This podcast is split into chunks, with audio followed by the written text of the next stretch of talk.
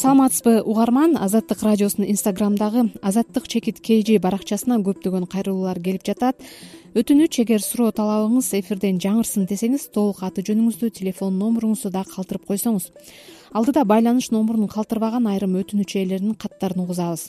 Аты жөнүн жазбаган угарман. Менин уулум иркутск шаарында окуйт. Биздин балдарда эле көптөгөн кыргыз балдар кыздар бар. Пандемиядан улам кыргызстандагы ата энелер балдарын алып келе албай жатышат биздин үнүбүздү өкмөткө жеткирип коюңуздар. Новосибирскке учак уюштургандай иркутскийден да уюштурса жакшы болот эле. Бир жумада бир учак каттачу. Азыр каттамдар жабылып балдар кете албай калышты. Тамак аштан кыйналып жатышат деген айжан тагаева аттуу инстаграм колдонуучусу түркиянын газиантеп шаарынан кайрылып жатам. Жыйырма төртүнчү апрелде учакка жетишпей калдык. Дагы жаңы түзүлгөн каттоого кантип кирсем болот? Дагы учак уюштурулабы? Ата энем туугандарым уулумду аябай сагындым түркияда күндөн күнгө абал начарлап ооругандар көбөйүп жатат. Мекениме тынч кайтсам болот эле деп кайрылган абдыганын кызы асель кыргызстандын жаранымын жолдошум өзбекстандын аты уулу биз он бешинчи мартта. Орусиядан өзбекстанга машине менен жолго чыкканбыз. Өзбек чек арасына келгенде мени киргизбей коюшту. Кордойго келсек баламды киргизбей бир айдан бери казакстанда жүрөбүз. Балам бир жаш үч айлык. Өзүм кош бойлуумун. Казакстандагы кыргыз элчилигине жардам сурап кайрылсам кайра мага байланышпай коюшту. Азыр кимге кайрылууну билбей калдык деген актилек турдыев биз кыргызстандан орусиядагы магнитогорск шаарына келип окуп жаткан студенттербиз. Мгсуда окуган студенттер бир айдан бери жатаканадан чыга албай жатышат. Ата энеси акча жиберсе ала алышпайт. Иштегенге иш жок. Аябай кыйналдык. Кыргызстандан келген студенттерге жардам берип коюңуздарчы деген айпери аттуу инстаграм колдонуучусу акшдан кайрылган мен америка кошмо штаттарында окуп жаткан кыргызстандык студентмин вирустан улам. Биз студенттер жашоого каражатыбыз жок калды батир акчасын да төлөй албай жатабыз. Азыр менде бир эки жумага жеткидей эле акча бар. Андан ары эмне кылабыз билбейм. Биз кыргызстандын акшдагы элчилигине да кайрылдык. Алар бир жарым айдан бери жооп бере элек стамбулдагы студенттер менен жарандарды мекенге алып кетишиптир бизди экинчи рейске кошсо транзит аркылуу биз деле бишкекке кайтсак болот эле. Жүз алтымыш студенттин атынан кайрылып жатам деген.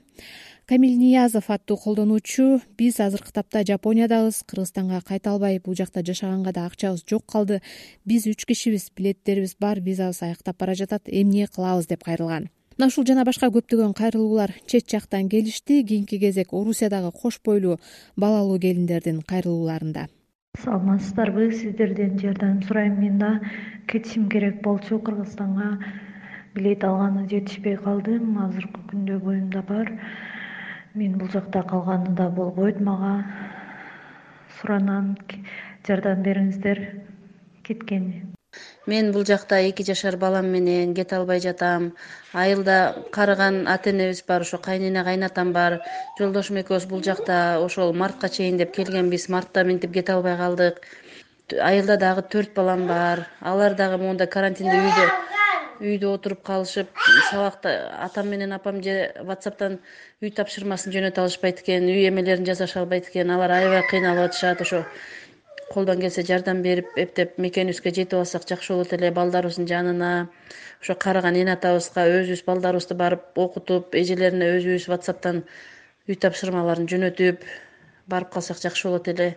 Ишенгенибиз бир кудай болсо кудайдан кийинки ишенгенибиз силер болуп атасыңар эптеп бир нерсе кылып бизди учуруп жөнөтүп берсеңер жакшы болот эле. Балам да кыйналды өзүбүз да кыйналдык. Биздин коркконубуз бул жерде же полюсубуз жок же менин регистрациям да бүтүп калган же көчөгө чыга албайбыз урматтуу бийликтегилер сиздерден сураныч. Мен москвадан сүйлөп жатам. Москвадагы мигранттарды тез аранын ичинде алып кетишиңиздерди өтүнөбүз. Эмне үчүн россия өз өлкөсүнүн элдерин чет өлкөдөн алып келип жатышат? Турциядан алып келдиңиздер. Кезек москвага келсин эми. Сураныч мен кош бойлуумун алты айлык. Ондогон кыргыздар мигранттар жумушсуз бир айдан бери бир бөлмөлүү квартирада тыгылып жатабыз бул жактан оору жугузуп алышыбыз ыктымал. Анткени оору күчөп жатат. Биздин денибиз сак кезинде алып кетиңиздер суранабыз. Эмне үчүн биздин үнүбүз жетпейт жетсе да тыянак чыгарбай жатасыздар. Биз кыйналып кеттик. Эртең бир жумада жатакана акысы төлөш керек. Акчабыз калбады. Тамак ашка акчабыз жок. Жатаканага акчабыз жок. Сураныч кош бойлуулардан мен билгендерден эле беш алты аял балалуулар бар жаш балдары менен эки үчөө бар.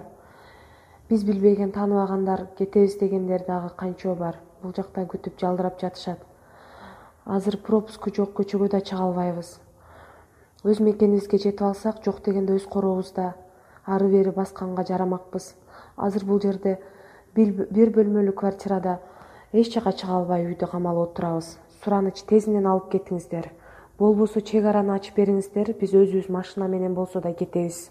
Мен москвадан жазып атам. Күйөөм кыргызстанга кеткен кайнатамдын похоронуна ошону менен келе албай калды. Москвада азыр өзүм жалгызмын. Майдын он экисинде квартирам бүтөт бара турган жерим жок. Билетти өзүм алат элем беш айлык боюмда бар. Ашып кетсе он күндөй калды он күндөн кийин бара турган жерим жок калат. Күйөөм болсо иштеген жок карантинде жада калса продуктума акчаларым түгөндү жардам берип атат экен деген номерге чалдым жаздым. Кечээ албай аткам бүгүн чалсам төрт балалуулардан жогоруларга гана берилип атат экен го. Многодетный ошентип төрт баладан жогоруга дейт. Мен эки балам менен э, съемный квартирада отурам деген это их не волнует извините немножко потерпите деп койду го.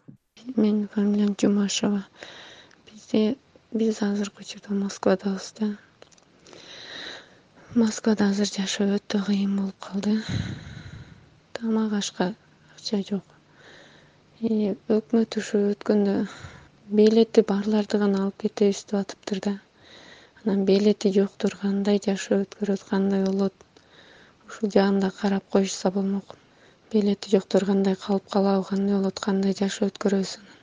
Ушул жакты карап коюшса өкмөттөгүлөр эми кыргызстандагы жардам сурагандарга келсек бишкектеги ак жар жаңы конушунун тургундары тамак ашы түгөнүп батир акысынан кыйналып жатышканын айтып кайрылышты. Биз ак жар конушунда биринчи көчөдө жетинчи үйдө квартирада турабыз.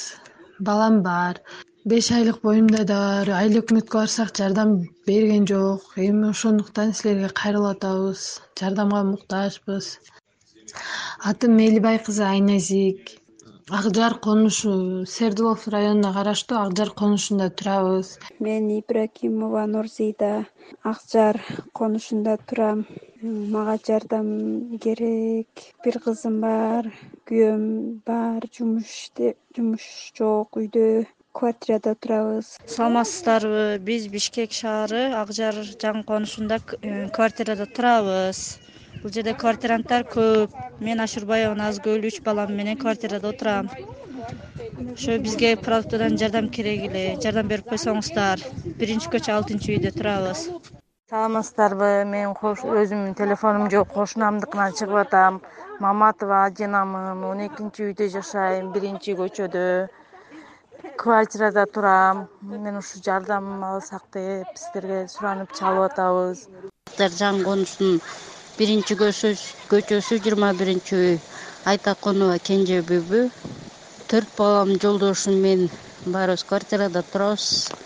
Азыр жардамга муктажбыз продукты баары түгөндү биз болсо күнүмдүк акчага иштейбиз.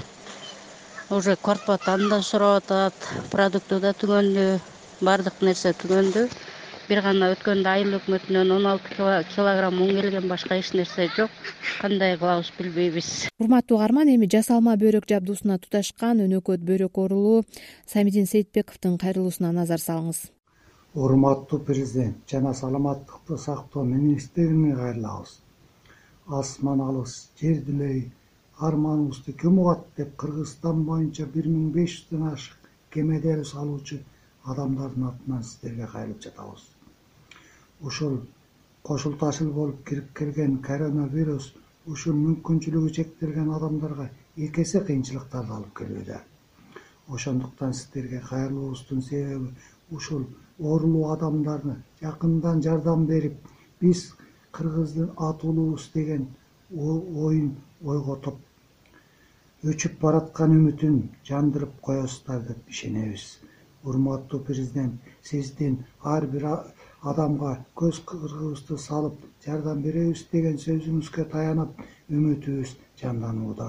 Мен ошондой эле ушул ызы чуу салып кирип келген коронавирус кокусунан биздин бир эле адамга жугуп калчу болсо кайсыл жерге кайсы больницага кантип диализ аларын жана калган диализ алган адамдарга кантип жуктурбоону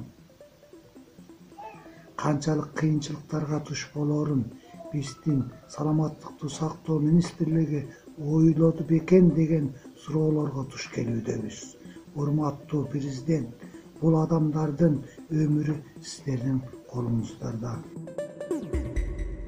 саламаттыкты сактоо министрлигинин адиси гүласыл сутуеванын маалыматы боюнча азыр гемодиализдегилердин баары убагында медициналык жардамды алып жатышат. Алардын арасында вируска чалдыккандар азырынча каттала элек. Кадырман угарман бул эл үнү берүүсү болду. Биз бул ирет азаттык радиосунун инстаграмдагы азаттык чекит kg аттуу баракчасына келип түшкөн кайрылууларын карадык. Аларды мен бактыгүл чыныбаева топтодум. Саламатта туруңуз